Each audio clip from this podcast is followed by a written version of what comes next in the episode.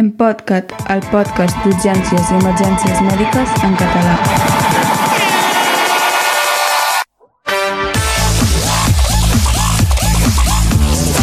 Hola, benvingudes a l'Empodcast, un nou episodi, el novè si no em desconto. Avui no serem només el Xavi i jo mateix, sinó que tindrem convidat també. Bé, convidada.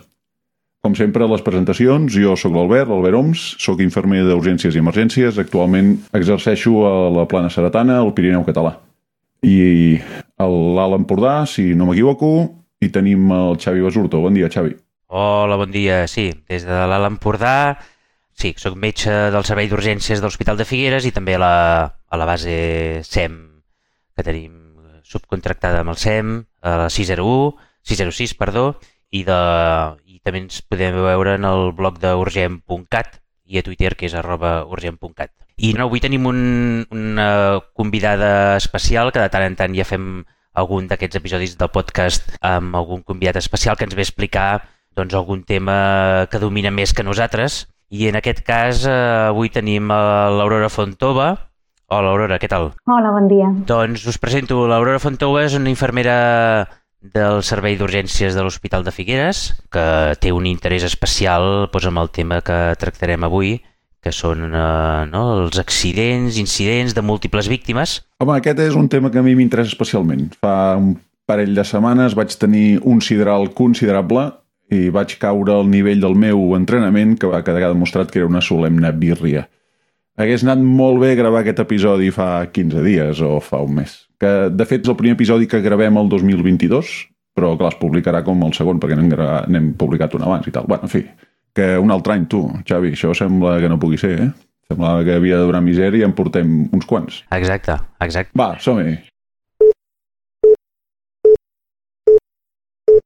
Doncs avui sí, no? Aurora ens... Eh, no sé què ens, què ens explicaràs sobre el, el tema d'incidents de múltiples víctimes. No sé si hi ha novetats interessants o actualitzacions sobre no, el protocol no, del SEM o del CatSalut o de qui sigui sobre com hem d'organitzar totes aquestes situacions eh, desagradables i que jo penso que podem equivocar, eh, però almenys amb el nostre entorn estar preparats per això és com bastant teòric i bastant impossible. No sé què et sembla a tu, si arribareu algun dia que estiguem preparats per una situació així. Uh, bé, bon dia. Uh, doncs jo penso que no crec que arribem a estar-hi mai del tot, no? En general, tot el que diu l'evidència és que quasi tota l'evidència que tenim és amb simulacres i poca en situacions reals, perquè quan et trobes en una situació real desborda uh, a tots els que estem treballant en aquell moment i i això simplement es tracta d'una petita guia que ens pugui ajudar en aquest moment de, de caos, no? intentar convertir el caos en una cosa més controlada. Uh, que parlaves sí, jo... d'evidència... Ah, perdona, sí, sí. No, no, jo te volia dir, jo sempre que, que estic amb aquest tema eh, me llegeixo el, els protocols, miro els esquemes i tal, ho entenc i ho memoritzo durant un període de temps que va des de minuts a hores i, i penso que i aquí s'acaba aquí s'acaba la història. Suposo que mm, en una situació real tindre-ho molt clar i que et surti tot automatitzat i, i de forma sistemàtica i tal, ho veig difícil, sobretot en el nostre entorn, que tampoc tenim una, una pràctica així de, no? de, de fer pràctiques i simulacres eh, tres vegades l'any i, i de forma ben fetes, no? Jo penso que no tenim aquesta cultura, almenys al nostre entorn, de fer-ho així i crec que seria l'única manera d'aconseguir-ho, no sé. Mira, deixem ficar una falca aquí trans multinacional d'aquestes meves que toquen al meu país. Aquí on visc jo ja tenim dos túnels de gran llargada. Sí. Suposo que per normativa estan obligats a fer simulacres de tant en tant. Doncs un dels dos túnels en fa pràcticament cada any, depèn de si està més obert o menys, i l'altre fa com 10 anys que no se'n fa cap. No diré, no diré de quin, quin és el, costat és que cadascú. Quin és, el, quin és el factor que fa que sigui una així d'una manera i d'una altra? No ho sé, perquè no hi ha massa distància d'un túnel a l'altre. Distància física, clar. Distància administrativa és un altre tema. Sí. Sí, normalment eh, aquestes coses depenen de les administracions, no? l'obligatorietat de fer simulacres, i nosaltres, per exemple, tenim el, el túnel del Pertús, que és el que tenim que també ens obliga a fer un simulacre anual. Uh, ara amb la pandèmia poder ha, ha, ha baixat, però en general cada any en fem un. Un any per tocar el cantó francès i un altre any el cantó català. I és una oportunitat per posar en, en pràctica això que, que estudies, no? I cada any s'intenta doncs, fer un simulacre una mica diferent a l'anterior. Un any hi ha més víctimes, un altre any és més d'organització, un altre més de despatx, i s'intenta que, bueno, cada any es fa en realitat. Vull dir que I, això és exemple, el que ens serveix. No, tinc, per exemple, a nivell de, de bombers, poder sí que fan una miqueta més de... Per exemple, en aquest cas, eh, del, dels túnels, no sé si els bombers, jo penso que hi entren més sovint i fan més eh, exercicis que nosaltres els sanitaris. Me dóna la sensació, eh? No ho sé, però clar, el túnel té unes particularitats que és que només es pot fer de nit, que és quan no passen mercaderies. Llavors, eh, per això el simulacre s'obliga a fer un cop a l'any i es fa només en horari nocturn, quan no passen trens amb les vies tallades. Clar, és, és una mica complicat. Però bueno, penso que es podrien fer altres escenaris perquè en realitat el que més ens pot provocar un incident de múltiples víctimes en el nostre territori normalment és un accident de trànsit. I això doncs, eh, sí que es pot practicar amb més facilitat que no pas anar a un túnel d'un tren que has de tenir la circulació tallada. Això que deies, Xavi, eh, no sé on ho vaig llegir-ho. La immensa majoria d'oficis o d'activitats d'alt rendiment, llegeixis esport, la immensa majoria del temps es passa entrenant i molt poques vegades actuant. En el cas de nostre, en el cas de la sanitat, és completament al revés. Ens dediquem tot el temps a actuar i, si de cas, ja algun dia potser ja parlarem d'entrenar. Sí, sí, sí, sí. Bueno, sí, sí. centrant una miqueta, perquè ja no, no hem ni començat i ja estem divagant, anem bé també. Eh, quan parlem d'això d'incidents de múltiples víctimes, ben bé a què ens referim? Perquè hi ha alguns serveis d'urgències que eh, directament cada dia és un incident de múltiples víctimes, només l'activitat ordinària. Uh, sí, és així. En realitat, uh, un incident de múltiples víctimes és allò que fa una desproporció entre les víctimes i els recursos disponibles. I, i això ho diferenciem del que seria una catàstrofe que n'havíem parlat fins ara, no? que és allò que encara que eh, un, un incident de múltiples víctimes, en un temps determinat podem arribar a solventar-lo o a, fer, o a convertir-lo en una situació més similar a la normalitat. En canvi, quan hi ha una catàstrofe, sol haver-hi una desproporció. No? Per tant, amb un incident de múltiples víctimes ens podríem posar la idea que seria, per exemple, doncs el que dius, un servei d'urgències desbordat en un hivern com el d'aquest any o una catàstrofe seria quan ve doncs, l'explosió aquella de Tonga, no? que s'ha desaparegut una illa i allò, si algú vol arreglar, de venir algú de fora perquè tots solets poder no se'n surten, no? O un tsunami o un terratrèmol que afecta a moltíssima gent i no es pot atendre amb els mitjans habituals. O sigui, el que veiem habitualment aquí són no, situacions de múltiples víctimes. Exacte. No? El, el més habitual. Mm. Per això tots els plans que hi havia fins ara, tot arreu es deien plans de catàstrofes i els hem anat canviant a incident de múltiples víctimes per veure que en realitat en un futur molt proper es pot tenir la situació continguda, no? Podem atendre amb els recursos que tenim, dels que disposem amb, amb això que has comentat de que múltiples víctimes és allò, és la desproporció entre el número de víctimes i la capacitat de resposta, eh, això té molt a veure en quin lloc de, del món estiguis, i del món global, però també del món local. No és el mateix un, un accident de 3, eh, segons on. Eh? Un accident de 3 a la Diagonal de Barcelona no és el mateix que un accident de tres a dalt allà, baix, als ports, a Tortosa, no? a, a dalt al Montcaro. Que, eh, suposo que abans sí, haurà arribat veritat, recursos i pots florir. La veritat que el SEM, per això, la definició que n'ha fet eh, és molt realista. O sigui, ha dit que siguin sis, sis víctimes eh, greus o 10 de qualsevol altra categoria. I això jo crec que és, és un, un número molt realista. Sis, sis ferits greus a l'Alt Empordà doncs sí, és un incident de múltiples víctimes. Doncs és una dificultat molt gran. Això a mig de Barcelona, amb totes les unitats properes disponibles, doncs de seguida deixa de ser un incident de múltiples víctimes. Tot i que s'ha de treballar amb una metodologia diferent. Tu no pots enfrontar-te a 12 víctimes de la mateixa manera que t'enfrontes a una. I per això són els objectius d'aquests procediments operatius que li diu el SEM o, o plans d'actuació en incidents de múltiples víctimes. Perquè pensis, quan arribes, que has de treballar diferent. Sis víctimes greus, 10 de qualsevol categoria, això és el que diu el SEM de Catalunya. Suposo que altres, altres llocs de, dels països catalans potser els números varien lleugerament, seria interessant de saber-ho. I, eh, escolta'm, això que dius de que s'ha de treballar amb un procediment diferent i, i tenir clar que no és el mateix un que 12, mm, en què es diferencia? Què és el que hem de valorar primer? Què és el que hem de fer, vaja? Anant al més bàsic, més bàsic, més bàsic seria, estem acostumats a, als sistemes d'emergències a atendre amb el pas, no? que li diem protegir, avisar i socórrer. Doncs eh, quan fas un incident de múltiples víctimes, li afegim una O, es diu PAOS, protegir, avisar, organitzar i després socórrer. Eh? Hem d'afegir aquesta O enmig per tal que, eh, primer de tot, decidim com gestionem allò abans de posar-nos a atendre, perquè si ens posem a atendre el primer, en perdrem la perspectiva de tot l'incident. Digues, i com el, el tema de començar a organitzar-ho, eh, sempre s'ha dit no, que és la primera unitat, no, eh, no sé com ho diuen, eh, la primera unitat assistencial o qui, o bombers o policia o qui arribi o ha de ser sanitari que comença a organitzar-ho això? Bé, en realitat qualsevol unitat que arriba comença a organitzar, però organitza la seva part, no? Els bombers comencen a, a organitzar el rescat, la policia comença a organitzar la seguretat i nosaltres el que hem d'organitzar és l'assistència.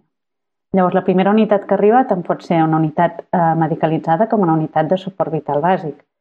Llavors, el primer més important és saber què ha passat, on estem, quin nombre aproximat de víctimes tenim per fer-nos una idea del que necessitem, si hi ha riscos potencials en l'accident, preveure quins recursos necessitarem i si ens fan falta altres coses d'emergències que no hi siguin ja en el lloc de l'accident. No? Això és el primer, fer-nos la idea. Què ha passat? Què necessitem? I llavors, eh, un cop aquí, el que hem de fer és dividir eh, la zona de l'accident en tres zones concèntriques grans que ens permetin eh, dir on te, posa, on te posarem tots els recursos que tenim. No? En primer lloc, el que s'ha de fer és veure on està la zona, la zona zero de l'accident, o sigui, la zona eh, on hi ha major destrucció, i en aquí només eh, hi entraran en principi els cossos d'emergència eh? els cossos de rescat, que serien els bombers. Estem molt acostumats això, a anar a un això accident... és la zona i, calenta, no? Que en sí, estem molt acostumats a anar a l'accident i entrar nosaltres dintre el cotxe, no? Doncs en aquest cas, eh, en principi no hi hauríem d'entrar. Si és un accident de trànsit, els cotxes estan estables, tot això hi acabem entrant, no? Però en general hauríem primer de dividir. Aquesta és la zona de l'accident i es diu zona de salvament, eh? on només haurien d'entrar els, el que són els, els equips d'intervenció, els bombers en general. A fora hi farem una altra zona, que seria l'àrea d'auxili, que és on estarem nosaltres. I allà muntarem tot el que seria l'organització de l'assistència sanitària. I llavors a fora d'aquesta hi tindríem el que es diu l'àrea de base, que és on es posarien tots aquells serveis que donen suport a l'emergència però que no són imprescindibles per atendre els ferits. Val. Uh, Això seria sí, Aurora, una pregunta. tot. Això ho decideix ho decidim la unitat assistencial que arriba, mm, juntament suposo amb bombers i si cal Mossos, no? O, o és propietat, Exacte. o és una cosa que ha de fer només eh, el SEM, això? Això s'hauria de decidir entre tots perquè, és clar, decidir la zona no depèn només de on te'n va més bé a mi posar els ferits, sinó també on els bombers et diguin que és segur, que no vindrà fum si hi ha un incendi, que no et caurà ferralla si hi ha, no? si hi ha doncs, vagons de tren el que sigui, i per tant crec que això s'ha de decidir eh, en conjunt entre tots i que no, i la policia doncs, que no tallis el trànsit o que el tallis de la manera menys, menys complicada. Clar, no? suposo que això són coses que en, en, en llocs on hi ha, es pot preveure que pugui haver-hi en algun moment de la vida un, una situació d'aquest tipus, això ja es té, ja es té pensat, no? Per exemple, en els, no? si fem simulacres en, el, en els túnels dels trens o en els aeroports o en els no sé què, això ja està pensat on ha d'anar, no? on ha d'anar cada, no? la, la, la roda d'ambulàncies i tot això ja està pensat més o menys on hauria d'anar. Això seria la previsió no? d'una situació com aquest tipus, no? Exacte. En principi, això, amb, els, amb el tren del Pertús, per exemple, que seria no, el que ens podríem fer una miqueta a la idea, doncs tenim ja que hi ha uns ventiladors que tiren el fum d'un cantó a un altre, o sigui que eh, ens hem de posar mm, sempre assistint en un cantó del túnel.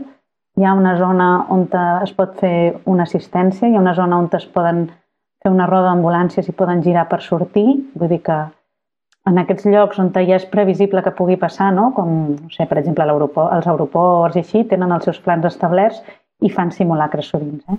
Què més? Què més? Tenim, tenim, els, tenim les tres zones eh, ja acotades i, i què comencem a fer després?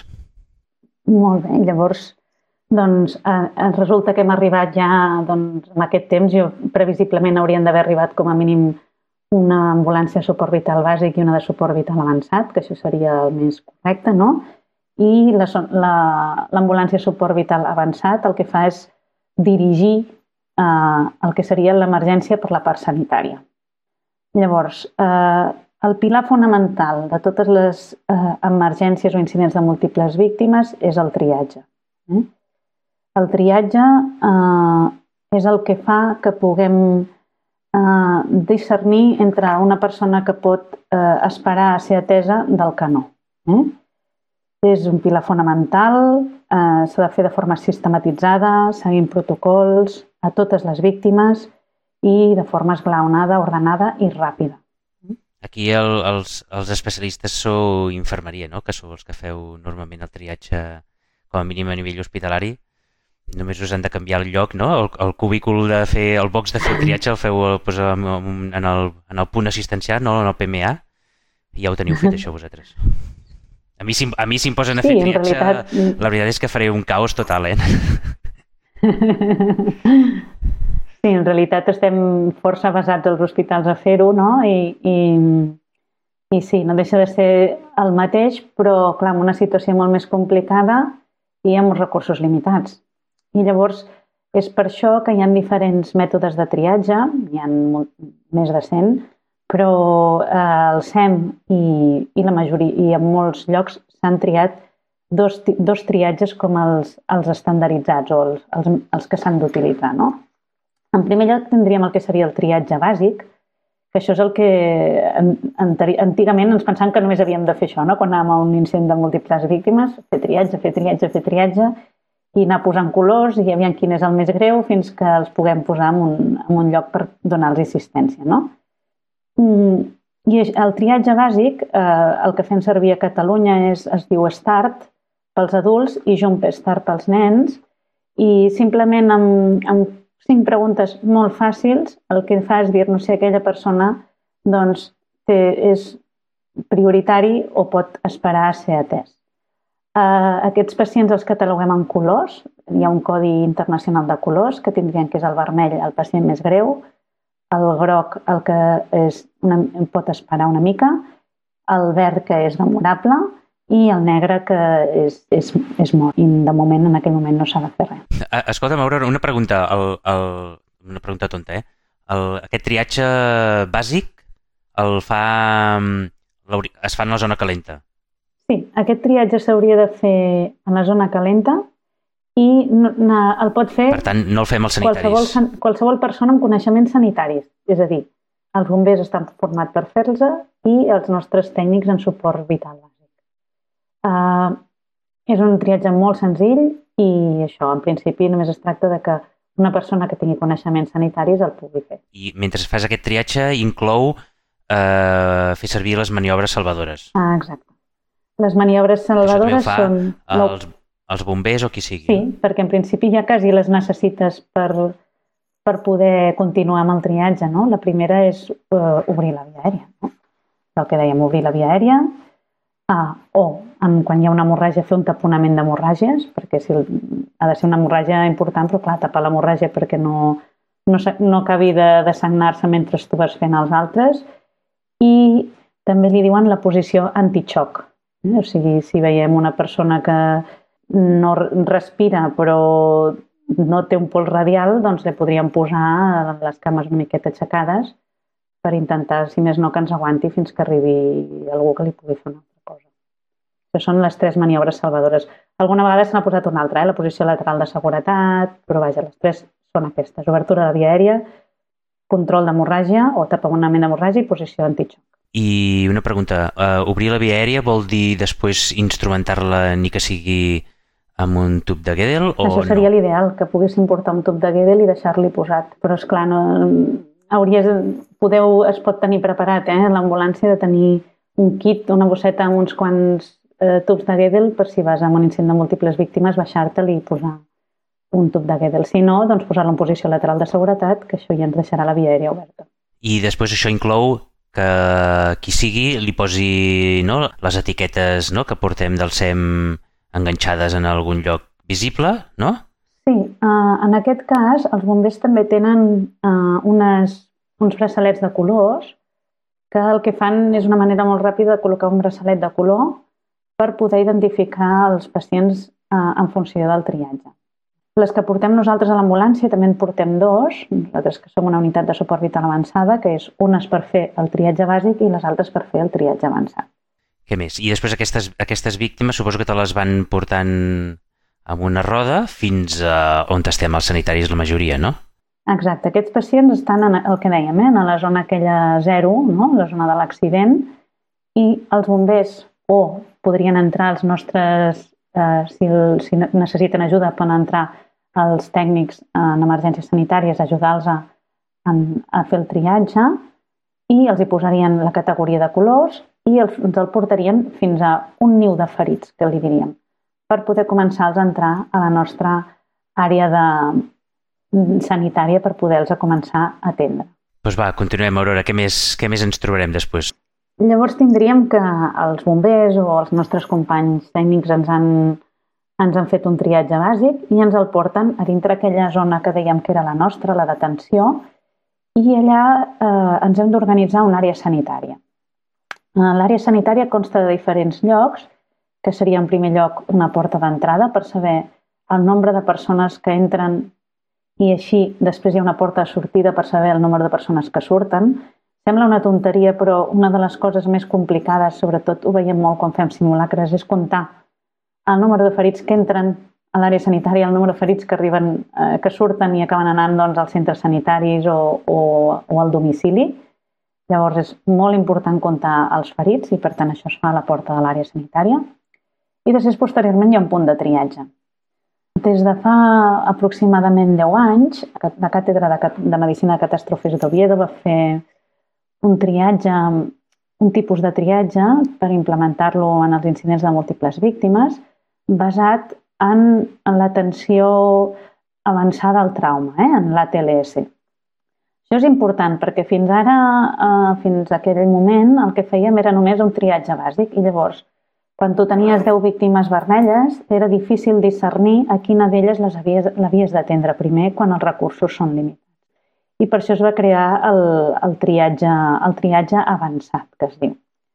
El triatge avançat, que nosaltres fem servir a Catalunya i a molts llocs d'Espanya de, es fa servir aquest que vam fer a Oviedo, que es diu META, consta de quatre fases. Eh? I llavors engloba tot el que seria l'atenció dintre de l'àrea sanitària de, del, de l'incident de múltiples víctimes. Aquestes quatre fases I això sí que ha canviat, això sí que ha canviat últimament o no? Sí, ara han fet una revisió eh, que també us penjaré l'article que van publicar a la revista Emergències recentment, en quan han fet unes petites modificacions que aclareixen els termes més importants que hi havien en la versió anterior. No? És, un, és, una, bueno, és una nova versió que aclara molts punts després de 10 anys de, de posada en funcionament. Val. i fa que tot, en la meva opinió, sigui molt més clar. No? Val. Sempre queden coses complicades, no deixa de ser un incident de múltiples víctimes, però queda molt més clar. Val. No? Doncs el primer que ens diu és que hem de fer un triatge assistencial, que li diu. Quin és aquest triatge? Doncs és un triatge basat en l'ABCDE, eh? amb l'assistència de totes les persones que hem fet suport vital avançat al trauma sabem, sabem com funciona, no? i que el que fa és classificar les, les víctimes en funció del compromís real o potencial que tinguin en qualsevol d'aquests punts de la valoració sistemàtica. Eh? Si tenen un problema en la A, en la B, en la C, en la D o en la E. Això el que fa és establir-nos una prioritat d'atenció enfront de les víctimes. Eh? I per tant sempre s'atendran primer aquelles que tenen un compromís real o potencial en la A abans de les que tenen un compromís real o potencial en la B. Perquè, un, una pregunta, Aurora. En aquest triatge només hi entraran els que en el triatge bàsic els has imposat l'etiqueta vermella? En principi, aquí hi ha una mica de, uh, O tots. de complicació. En principi, es comença per les víctimes vermelles, això sí. Si mira que et van portant els ferits, tots aquells que tenen l'etiqueta vermella els hauríem de fer aquest, Val. aquest triatge. I quan, aqu i, I quan aquests... El sistema meta diu que els Val. hi facis a tots. Però eh, en el protocol del SEM eh, et diu que sobretot li facis als vermells. Eh? O sigui, incideix en que s'ha de fer als vermells i que els altres podrien entrant sense fer-los un triatge i a posteriori podries anar-los fent. Uh, el sistema en si diu que li facis a tots, començant pels vermells. Val. Perquè penseu que el triatge bàsic l'ha fet eh, o un bomber o un tècnic en emergències que no té coneixements en principi en suport vital avançat. Uh -huh. Llavors eh, es poden passar coses que, clar, és que el triatge bàsic és com molt groller, no? Discerneix així una mica de forma molt ràpida. I aquest triatge, al principi, això fa una persona en coneixements eh, en suport vital avançat en el trauma. El protocol del SEM diu que, en principi, a les unitats de suport vital avançat que hi van metge i infermera, el metge seria com l'encarregat de l'organització general de tota l'emergència i la infermera seria la que faria aquest triatge assistencial. Eh? Per tant, parlem de persones que tenen entrenament en atenció i, eh, al trauma. Val. Val, doncs llavors, eh, això, que dèiem, no? Aquí tindríem, el que primer que faríem seria fer una valoració ABCDE del cada ferit vermell que m'entri en primer lloc.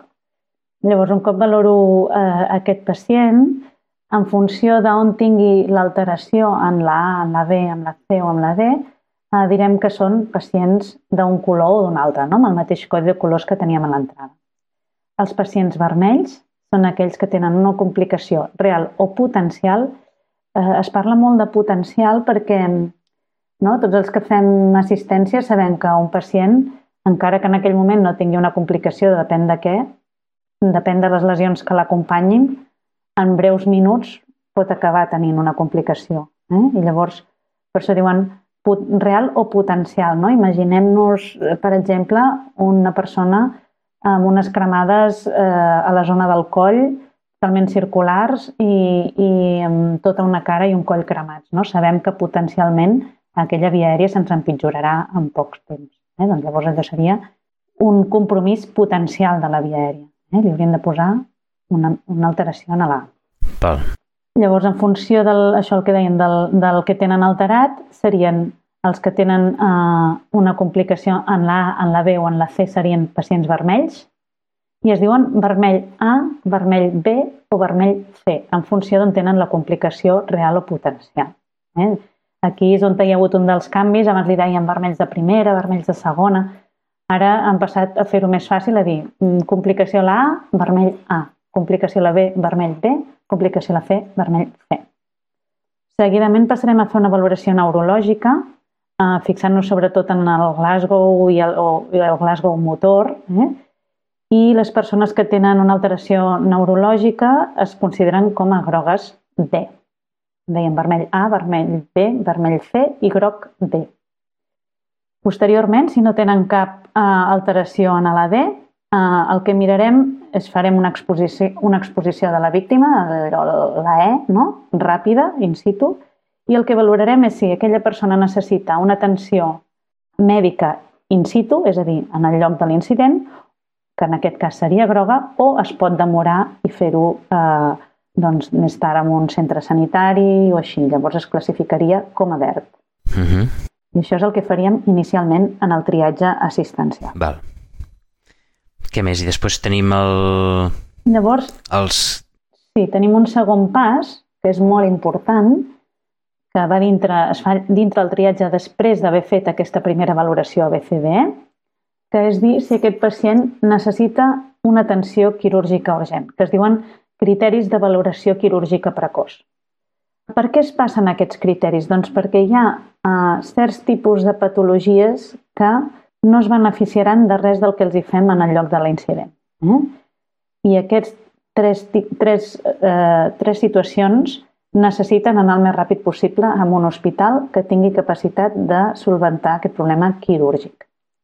Són tres i són aquestes. Un traumatisme major penetrant, el craniofacial, el coll, el tronc i o proximal, als genolls o, o colzes amb hemorràgia. L'altre seria un traumatisme amb sospita de fractura de pelvis i inestabilitat hemodinàmica. Sospita, no cal que fem cap maniobra per talpar la pelvis, sospita de fractura de pelvis i inestabilitat hemodinàmica. I el tercer seria el traumatisme Val. tancat de tronc amb signes de xoc. O sigui, en aquests malalts no dius que són els que hem d'identificar perquè surtin de l'àrea sanitària el més ràpid possible per anar a un hospital. No haurien ni d'entrar a l'àrea sanitària, aquests ja. O sigui, des del triatge han de passar a l'evacuació i marxar. Només farem eh, una mesura d'estabilització mínima. Què seria això, que és el que diu Meta? Doncs posar una via, un sèrum i, i córrer. Eh? A la- a l'antiga usança, eh? allò de, de ràpid, ràpid cap a l'hospital. Carcar i marxar. Exacte. En principi poden marxar aquests amb qualsevol tipus d'ambulància, la primera que estigui disponible, amb instruccions per part dels sanitaris i, i anar directes a l'hospital. I això és, és eh, nou de fa... Això és la novetat d'aquest del triatge assistencial? Això és nou o, ja, o això ja més o menys ja estava escrit? Això ja estava escrit, abans n'hi havia quatre i s'han ajuntat dos, eh, que és aquest del, de la fractura de pelvis. Abans estava dividida en dos, eh, que també parlava d'inestabilitat mecànica de la pelvis. Clar, com tots sabem, del, de les últimes recomanacions de la TLS s'ha tret el que seria la maniobra exploratòria de la pelvis en el malalt traumàtic. Si a mi un dels criteris quirúrgics és la inestabilitat mecànica de la pelvis, segurament hauré de fer alguna maniobra per discernir si té una inestabilitat mecànica. Llavors això s'ha aglutinat en un que diu eh, sospita de fractura de pelvis i inestabilitat hemodinàmica. Eh, Un pacient inestable que tu sospites que té una fractura de pelvis és un criteri quirúrgic precoç.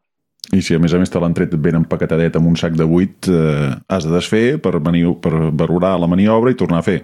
Pèrdua de temps inútil sense cap eh, interès. Exacte. Molt bé, doncs ara ja sabem quin pacient ha de marxar corrents, quin pacient hem d'atendre primer, no? amb ordre de prioritat ABCDE i classificadets amb unes targetes, eh? allò que deia en Xavi, que portem a totes les unitats de suport vital avançat de Catalunya del SEM porten una motxilla on hi ha tot el material d'incidents de múltiples víctimes, que no és més que unes targetes de colors que ens serveixen de, com de full de registre per emplenar eh, les dades mínimes que anem fent en aquells, en aquells pacients i, i porta també doncs, material de visibilització perquè ens vegin, perquè vegin quin, quin és el metge responsable, quina, qui és la infermera que fa triatge, etc. I molts bolis i llapissos perquè si sou com jo que comenceu el torn amb boli que veu sense, almenys en tingueu, en podeu perdre uns quants abans. Exacte. Poli, llapis i, i altres estris que també són necessaris. Val, doncs un cop els tenim catalogats, el següent pas és fer-los l'assistència, no? De tots aquells que no han marxat urgent perquè es, beneficiaven de fer-los alguna cosa en el lloc de en in situ, passarien al que seria el, el que antigament li havíem dit el PMA, no? O, o l'hospital de campanya, si volem fer una miqueta més la, la idea del que seria, i en allà els, els separaríem per colors i atendríem a les víctimes en funció de la prioritat que ha establert el triatge. Eh? Primer els vermells, els vermells amb alteracions a la A, la B, a la C, a mida que ens vagin arribant recursos. Clar, un altre tema que no hem parlat és dels recursos que arriben, no? No és el mateix estar a la Cerdanya o a l'Empordà que estar a la Rambla de Barcelona, no? Llavors, eh, clar, a mida que van arribant recursos, el que has de fer és anar-los a distribuint, no? aquell metge que se'ns ha quedat d'organització, el que ha de fer és anar-los a distribuint perquè es vagin col·locant en els llocs on ens fan falta les persones que atendran els ferits eh, i això seria en principi en l'àrea sanitària. Eh? Ens donaran suport a l'àrea sanitària per atendre els ferits i també en, en la zona d'evacuació. De, Perquè una pregunta, Llavors aquí, sí. una pregunta, Aurora. Si a mi ens envien a la, a la unitat eh, avançada que estic, m'envien en una, en una situació així i arribo i ja hi ha tot el, el pollastre muntat, eh, aquí, aquí m'haig d'adreçar jo per dir ja estem aquí i que on te vaig?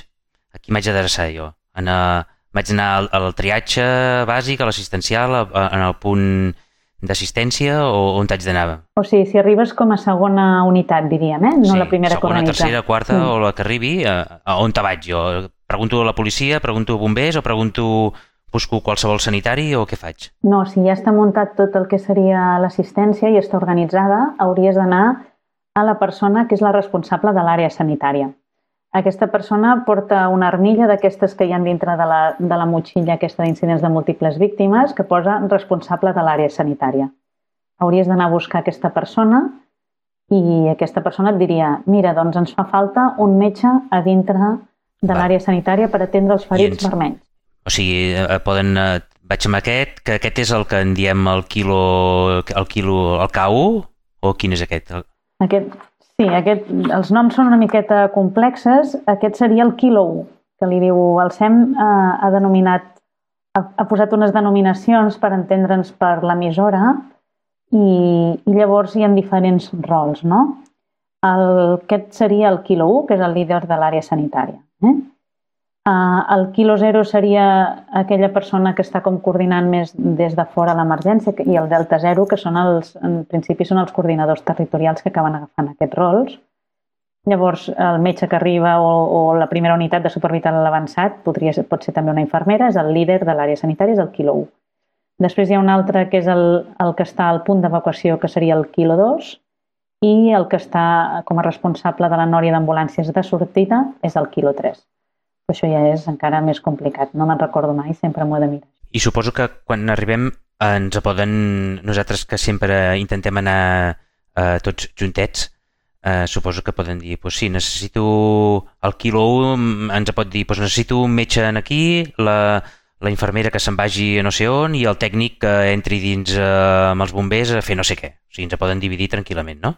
Exacte. Un cop entres en una emergència d'aquestes, SEM té establert que tot el material assistencial es posa dintre l'àrea sanitària i passa a ser comunitari, respirador, monitor, motxilla d'intervenció, i eh, els professionals es poden separar excepte el tècnic conductor que ha d'estar sempre escrit a la seva ambulància.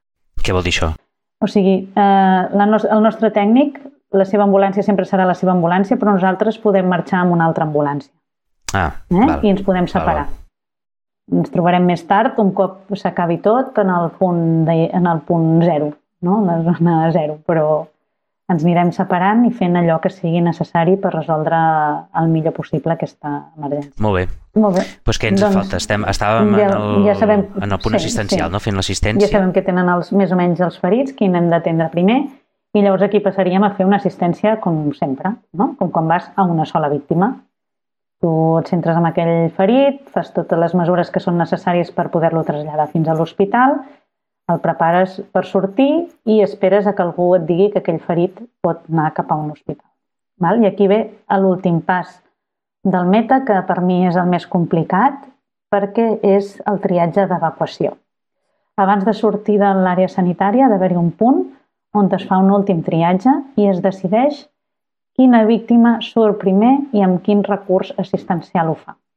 El que eh, genera més dubte, i això és una de les altres coses que han anat fent millorant en el meta, és que han intentat clarificar aquests, aquests criteris de trasllat. Bé, els primers que marxen són aquells els vermells quirúrgics, i aquest, si ens n'hem deixat algun que no haguem vist en el triatge i ho veiem després en l'àrea d'assistència, serà el primer a marxar, sempre. I després eh, el que hem de fer és eh, passar uns criteris de gravetat, que es diuen criteris d'alta prioritat, i discernir entre unes lesions que es diuen lesions greus rellevants. Eh? És que això s'ha de portar una xuleta que nosaltres es portem a dintre la motxilla perquè en aquell moment això segur que no te'n recordes. Eh? Lesions greus rellevants tindríem que són fractura de crani oberta o deprimida amb un trauma, amb traumatisme cranioencefàlic sever, un tòrax batent, un pneumotòrax de tensió, fractura proximal de dos o més ossos llargs, extremitats aplastades, arrencades o mutilades, amputació proximal a, a canell o turmell, paràlisi i cremades greus. Eh? Això són lesions greus rellevants, que bueno, costa memoritzar-los, però és clar que seran molt greus quan les vegis segur. I llavors una altra cosa que li diuen són els criteris d'alta prioritat. Això serveix per eh, acabar de decidir a qui eh, trasllades primer dintre d'un mateix nivell de gravetat. Els criteris d'alta prioritat són lesions greus amb inestabilitat hemodinàmica o respiratòria i un dels següents paràmetres, que serien una tensió arterial sistòlica inferior a 110, un Glasgow motor inferior a 6, la necessitat d'intubació o una lesió per explosió en un espai tancat. Són moltes dades que has de tenir allà una bona xuleta per decidir qui marxa primer. Eh? Llavors, tindríem que primer... O sigui, jo, jo estic atenent amb un, amb un que el triatge m'han posat que és un vermell A. Sí. I no, no, aquest no marxarà abans que un... Pot ser que marxi després que un vermell B o que un vermell C en funció d'aquests criteris, aquests uh, criteris, no sé com en dius, els criteris de... no sé què? Sí. De gravetat, sí, els criteris CAP i les lesions greus rellevants. Després tenim una altra cosa, o sigui, és que, no, o sigui, dintre la mateixa prioritat, A, B, C o D, primer marxa el que té aquests criteris. O sigui, tinc un vermell A que té criteris CAP, marxa primer que el que no té criteris CAP. Dintre d'aquesta categoria. Vermell A. Sí. Després passo al vermell B, i llavors si té criteris cap Val. o no té criteris cap. Val. D'acord. Val? Posteriorment, baixen, marxen els que tenen un compromís en l'ABC no resolt. És a dir, l'hem passat allà a l'assistència, hem intentat taponar l'hemorràgia i allò no para de sangrar i té una C no resolta. Doncs aquest marxa abans que els que té una C resolta. O una A resolta, eh? Primer marxen l'ABC no resolt. Després l'ABC resolt i després ja baixaran els grocs D, els que necessiten una valoració hospitalària i els verds. O sigui, el que, sí. el, que té, el que se li poden creuar més els cables és el que està responsable de l'àrea d'evacuació. No? Exacte. Jo crec que aquest... Aquest sí que li poden, caure, li poden caure faves per tot arreu. Exacte. Meta diu que aquest ha de ser un metge. Va. Però el SEM diu que si hi ha alguna infermera que té més expertesa també ho pot fer sí. sense problemes. Però, um... I fer-ho dos en conjunt no, oi? és, és complicat. Per això Meta ha posat, té uns, uns esquemes que estan molt bé i que jo crec que seria interessant que pengéssim eh, doncs, l'últim article aquest de, que van publicar ara el, el 2021, on hi ha els, els esquemes actualitzats. Eh? Hi ha un esquema general on ens fem la idea no? del triatge assistencial, la prioritat quirúrgica, l'assistència al triatge d'evacuació, un altre que només parla del triatge assistencial i dels vermells quirúrgics, i un altre que parla només del triatge de l'evacuació. Eh? Nosaltres, per exemple, a Figueres, el que hem fet és a cada una d'aquelles bossetes que eren per cada una de les persones que tenia un rol assignat dintre l'emergència i hem posat una còpia plastificada d'aquestes xuletes de, del triatge. Molt bé. Dir també com a cosa novedosa que el SEM està treballant eh, en una aplicació perquè tot això ho puguem fer des del tablet del SEM que portem i puguem anar traient el paper i tot sigui com més ràpid i més interconnectat amb la xarxa perquè els hospitals vagin rebent la informació i així. Val. Sí, perquè aquesta és una altra. És a dir, tota aquesta gent que tens en el lloc i que intentes que no se t'escapin perquè el caos sigui teu i només teu, en algun lloc han d'anar a espategar i, i van amb això de l'evacuació, que és una, això que has dit que és el lloc més complicat, em sembla que hi estic d'acord. I mira que, que no és que els altres siguin senzills, eh? Perquè, a més a més, es dona la circumstància que així això jo vaig de la perspectiva rural meva. És a dir, el, la meva nòria de, de trasllat depèn d'on estigui, pot ser molt i molt llarga. És a dir, una unitat que envio és una unitat que perdo durant molt temps, abans no pugui tornar a venir. I, Clar, això també ho has de tenir present de cara a la resolució final, no? És a dir, enviar un tio sol o enviar sí, aprofito uh... que i col·loco un verd que volta per allà gràcies acompanyant de l'anterior suposo que és molt senzill de decidir, però quan ja no és tan, tan acompanyant, no sé, és una d'aquestes coses que, que els rurals intentem veure com resoldre, no? De, hòstia, és que no, en principi els verds mai els hauries de traslladar en cap primer moment. Eh? Els hauries de traslladar encara que sigui en un autobús. Eh? Trucar a la Teissa i que vinguin i se'ls emportin, per dir alguna cosa. Les ambulàncies les deixarem només pels pacients que necessitin una ambulància. Eh? eh una cosa que diu Meta i que també diu SEM és que el pacient s'ha de portar a l'hospital eh, que li pugui donar la solució, la solució al seu problema, però el vermell quirúrgic, per exemple, pot anar a l'hospital més proper. Eh? Ho dic perquè tot hospital hauria d'estar mm, preparat per, fer, eh, per atendre un vermell quirúrgic. Només els quirúrgics, eh? que són els que necessiten arribar més ràpid a un hospital. Des de, jo també estic, eh, a part d'estar doncs, amb el SEM i tot el tema aquest dels incidents de múltiples víctimes, a l'hospital també tenim una comissió que treballa mm, per tenir el pla dintre l'hospital. Llavors, fa un parell d'anys, just abans del, del Covid, el Departament de Salut i l'àrea territorial de Girona específicament ens va demanar que diguéssim quants pacients podríem atendre en una situació d'aquest tipus. Llavors, cada un dels hospitals, eh, sobretot doncs, els comarcals de la zona de Girona, eh, penso que tot Catalunya es va fer, però Girona estic segura que sí, eh, van dir quants pacients podíem atendre i en quant de temps eh, els podríem atendre. És a dir, eh, per exemple, l'Hospital de Figueres ha dit que pot atendre mm, fins a dos vermells quirúrgics, un inicial i un altre als 30 minuts. I això ho han fet tots els hospitals. Eh? És a dir, podem atendre 10 vermells, dels quals dos quirúrgics, i si són nens, doncs poder només un. Eh? Això ho hem dit tots els hospitals i, per tant, el SEM sap quina capacitat de resposta tenen els hospitals. I llavors se suposa que en aquell punt d'evacuació també tindràs una trucada directa amb coordinació de SEM que et dirà aquest vermell quirúrgic envia a la Puigcerdà, eh, aquest no, aquest ha d'anar a Barcelona.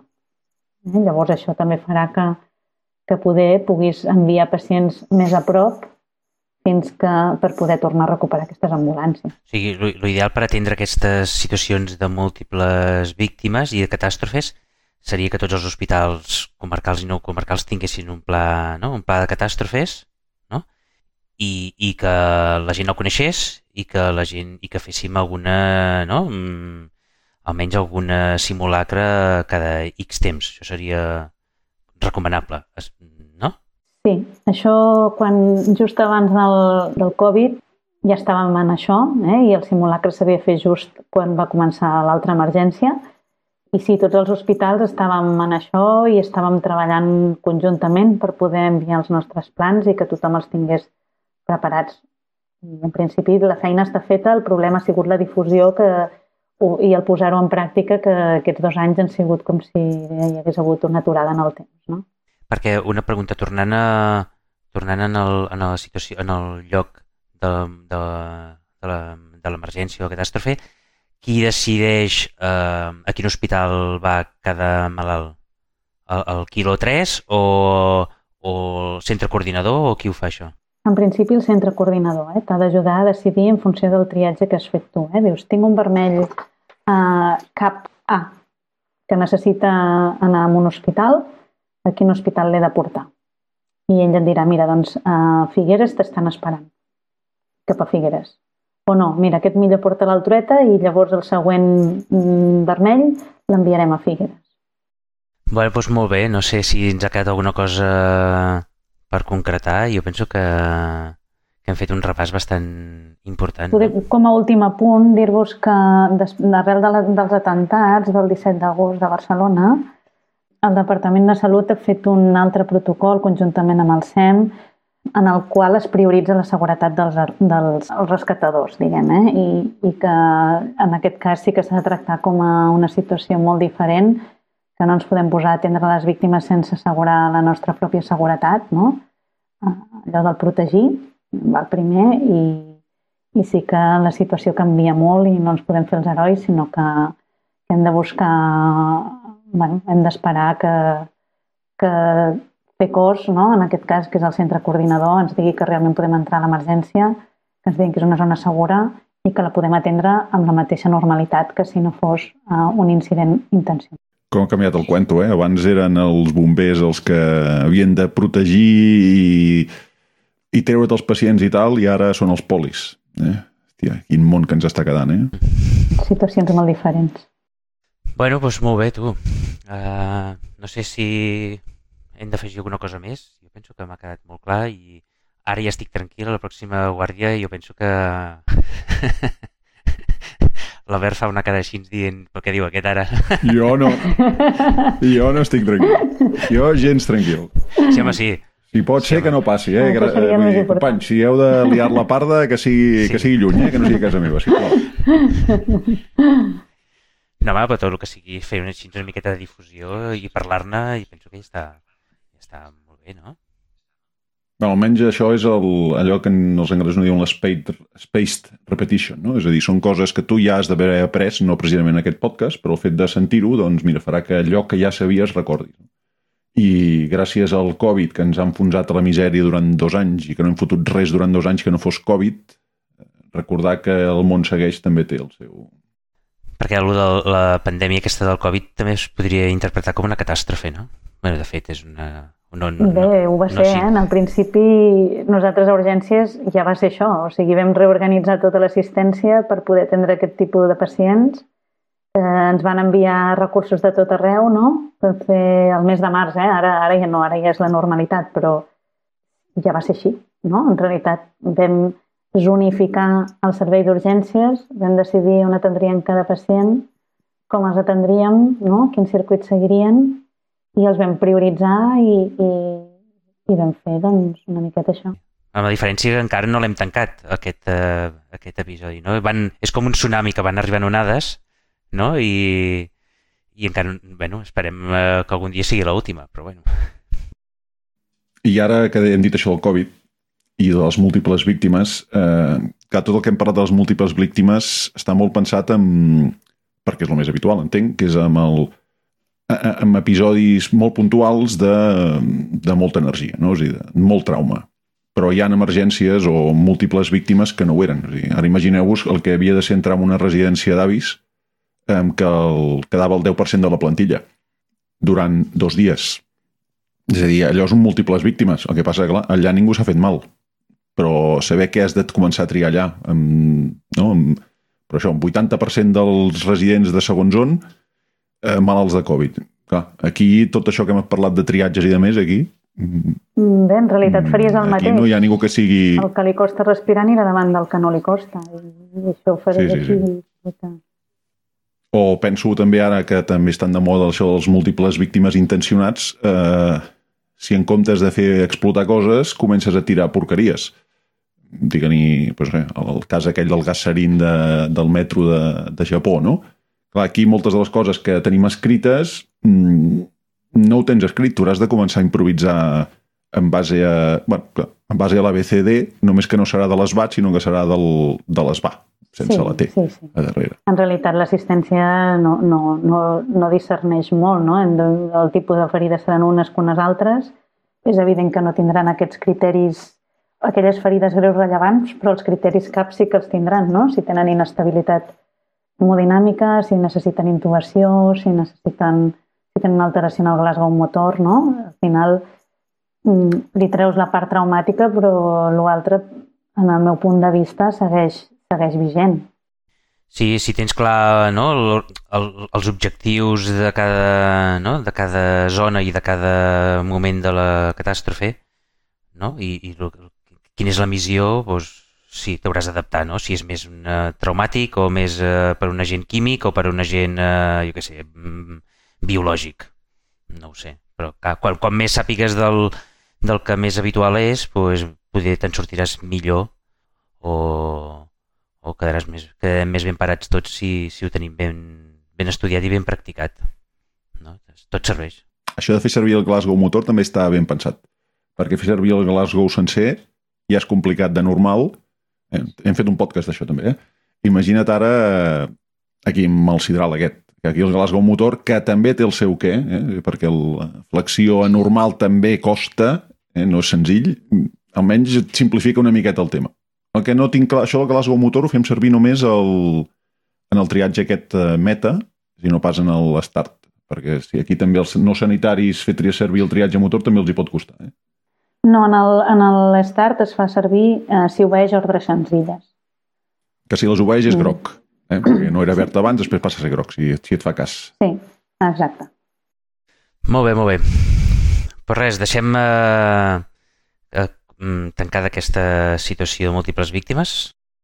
Moltes gràcies, Aurora, per la teva, per la teva companyia i per la, per la teva participació en aquest eh, en podcast, que segur que jo penso que serà interessant no? per, per tots els sanitaris que treballem en aquestes zones que parlem català i, i veiem si ens podem trobar amb algun altre, amb algun altre episodi. Sí, mi- millor en un altre episodi que no pas en un sidral, eh? Sí. Exacte. Bé, moltes gràcies per haver-me convidat i molt contenta d'estar aquí a l'Empodcast. Molt bé, i fins aquí el tema d'avui. Uh, ara ens toca la secció de l'Urgent Mot. Xavi, què tens pensat per avui? Sí, aviam, tenim un- una sèrie de, de termes que en català podríem, els podríem millorar, perquè crec que moltes vegades no els fem servir correctament, i és, per exemple, aquella situació en què ens arriba un pacient que no pot moure eh, una extremitat, o sí, extremitat superior o inferior, o, o té una pèrdua de força, que n'hauríem de dir que és una hemiplegia. Normalment jo sempre n'havia dit o hi havia sentit que un pacient tenia una hemiplegia, però correctament n'hauria- no porta accent, n'hauríem de dir una hemiplegia. D'acord? Perquè aquesta hemiplegia podria ser un signe d'un atac isquèmic transitori, que és la forma correcta del que en diem habitualment un l'AIT, que és, en diem, abans en dèiem un accident isquèmic transitori, aquest accident no és correcte. N'hauríem de dir en català un atac isquèmic transitori. Perquè això eh, també podria ser una manifestació d'un infart lacunar. D'acord? No en diem un infart llacunar, sinó que és un infart lacunar. Aleshores, aquest pacient que el tens a urgències, eh, en aquestes situacions que ens trobem avui en dia, doncs li farem un, eh, amb un escobilló, li farem un frotis eh, nasal per veure si té algun patogen respiratori. Entre aquests patògens respiratoris, ara, a més a més, hi afegim els habituals, com pot ser el virus sincític respiratori, que no és el virus respiratori sincitial, sinó que és el virus sincític respiratori. I aquest malalt que teníem amb aquest eh, infart eh, cerebral eh, es podria complicar i podria fer un estat epilèptic. Val? Aquest estat epilèptic no és el que abans em dèiem erròniament un estatus epilèptic, sinó que n'hauríem de dir un estat epilèptic. I si finalment la cosa ja acaba complicant-se, com estem fent en, en aquests eh, episodis de l'incident de múltiples víctimes, que acaba malament per molta gent, eh, en última instàncies, quan veiem que el pacient està en últimes hores de vida, el que hauríem de fer és una adequació de les actuacions sanitàries, no eh, una limitació de, de, de l'esforç terapèutic, sinó que el terme adequat i que es recomana actualment és parlar d'adequació de les actuacions sanitàries. I eh, crec que res més. No sé si tu, Albert, tenies algun urgent mot per comentar. Quasi m'acabo de quedar hemiplègic amb tots els que acabes de llançar en, en un minut. No, no estic hemiplègic, però sí que tinc una contractura amb un bonic punt de gatell que està just aquí darrere. Eh? Sí. No, no ho veieu, però està just aquí darrere. Que, eh, just aquest punt, apretes allà i aquest gatell fa molta... molesta, molesta. Aquest gatell, eh? Aquest punt gatell. Que no sé com es deu dir malament, perquè jo sempre he sentit dir punt de gatell. O sigui que igual per una cosa que diem ben català, aprofitem-ho, no? Sí, no sé com en dèiem, en castellà deu ser un punto gatillo, no? En castellà en diu un punto gatillo, no sé... Jo no ho he fet servir mai, tu, no sé. Bueno, molt bé, molt bé. Molt bé, i fins aquí l'Urgent Mot. Ara toquen les recomanacions d'aquest episodi, d'aquest mes, de fet. Va, Xavi, quina tens tu? Sí, jo fa temps vaig veure una eina, una puntuació, que ens servia per tal d'identificar aquells pacients que tenien una infecció, que venien a urgències amb una clínica infecciosa, per ser capaços de fer una predicció sobre quin d'aquests malalts faria una bacterièmia. Eh, sabem que un 15% dels pacients que venen a urgències venen per quadres infecciosos i d'aquests n'hi ha un petit tant per cent que faran bacterièmia, que la bacterièmia és, eh, es defineix com la presència de bacteris vius a, a la sang i que nosaltres ho demostrem amb un hemocultiu positiu per a algun bacteri. No? Doncs aquestes, aquests pacients amb, amb una clínica infecciosa, si a més a més fan una bacterièmia, és un factor de mortalitat. Per tant, és important identificar aquests pacients. Aleshores, hi ha molts scores, hi ha quantitat des de fa molts anys que es fan diferents escales, puntuacions, per veure de quins d'aquests malalts infecciosos tenen més risc de fer bacterièmies i, per tant, més mortalitat.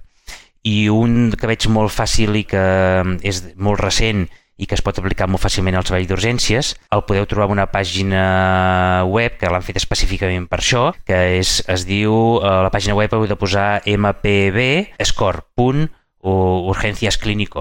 Vale? Vosaltres poseu en el, en el Google mpb score i ja veureu que un dels primers enllaços que us aporta el Google és aquesta pàgina web, que només hi ha això, hi ha l'escore i tu vas eh, seleccionant cada un dels, dels apartats eh, i és molt fàcil de fer perquè te demana coses molt senzilles, com és ara la temperatura, l'índex de Charlson, la freqüència respiratòria, els leucos, si té calfreds o no, les plaquetes i la procalcitonina. Són aquests eh, set eh, ítems que són els que ens demanen eh, i res, tu selecciones aquests quatre eh, factors, li dius que et calculi la puntuació i en funció d'això te donarà una escala que et diu, et diu la, la mortalitat que té en funció dels paràmetres que tu li has marcat i què li hauries de fer. Si el pacient realment requereix o no requereix hemocultius, si requereix o no requereix antibiòtics i si requereix o no requereix eh, ingrés hospitalari.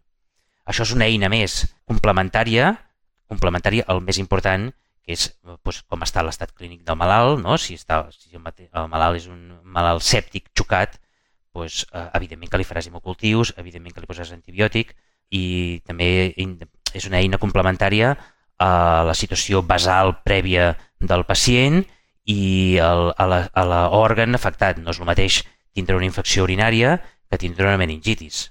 D'acord? És a dir, és una eina d'ajuda a preveure quins pacients tindran una bacterièmia. I això ens, ens pot ajudar a complementar, a, a decidir si li posem antibiòtics, si li podem donar d'alta o si li fem uns hemocultius.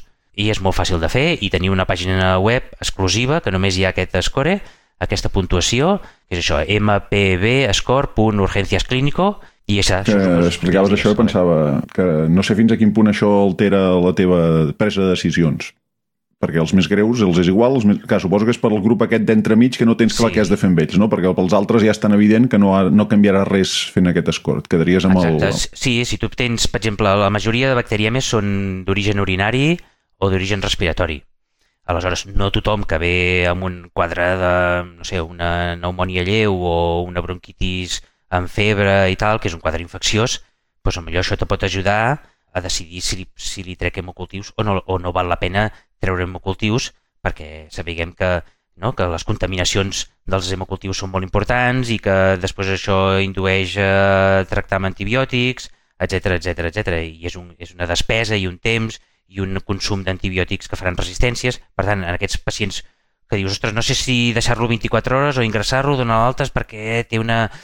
Mm, està justet, doncs això te pot ajudar. Eh, evidentment, el que té una meningitis o el que està sèptic i xocat, és igual, li faràs hemos, li faràs antibiòtics i l'ingressaràs. Per tant, no t'ajudarà. Però els que estan així intermitjos, jo penso que sí que pot ser una bona eina. I igual perquè els d'interna comprin. Mira, és que té un MPB score de tant, i com que Exacte. abans de reconèixer que no saben què els estat parlant, diran, vale, vale, ingressa'l. Ah, ingressa'l, ingressa'l. Doncs pues sí, no, no et dic pas que no. Molt bé. Mira, jo tinc una recomanació que no sé massa bé com explicar-la. Eh, aquest mes de gener de 2022 eh, resulta que el compte de Twitter de la Difficult Airway Society Trainees, és a dir, suposo que és un conte educatiu de la Societat de la Via Aèria Difícil, ha posat un hashtag aprofitant el joc de paraules de January en anglès, en comptes de l'etiqueta en comptes de ser January és Januarway, sí. en què cada dia del mes de gener de 2022 posen una infografia, una informació sobre un punt concret. No? O sigui, ara, per exemple, veig que el 15 de gener doncs, el Januarway parlava de les traqueostomies i tens allà una bonica infografia que t'explica de, de les traqueostomies que has de saber. No? Un altre dia parlaven del canviador de tubs de Heisman, un altre, mira, eh, avui, mira, just avui parlen d'equipament extra per fer una cricotirotomia. Uh mhm. -huh. Sona això de la cricotirotomia de l'episodi anterior? Uh mhm, -huh. vam, en vam parlar un dia, sí. Eh, sí, sí. Doncs això, que és... Eh, mira, durant aquest mes de gener de 2022, doncs cada dia pots llegir-te una d'aquestes infografies, torna a ser el mateix de la repetició espaiada, de quelcom que potser ja sabies, doncs mira, amb això te'n recordaries i no quedaria en aquell bagul de de records oblidats que tenim tots dins el nostre I cap. això ho tenim en, el, en el, un hashtag al Twitter, eh? Ah, exactament. En un hashtag al Twitter que no sé massa bé com apuntar-ho a les notes de l'episodi, no sé com posar-ho. En fi, Difficult Airway Society Trainees amb l'etiqueta Janu Airway. Ho mirarem, ho mirarem. Molt bé. Molt bé, doncs fins aquí aquest novè episodi de l'Empodcat. Esperem que us hagi agradat. Com sempre, doneu-nos els vostres m'agrades, si ho creieu convenient, subscriviu-vos, feu saber els de més i si teniu alguna cosa per explicar, contacteu-nos, que podem organitzar una altra trobada com la que hem fet avui amb l'Aurora. Vinga, que vagi molt bé i gràcies per escoltar-nos. Vinga, fins la propera. Moltes gràcies.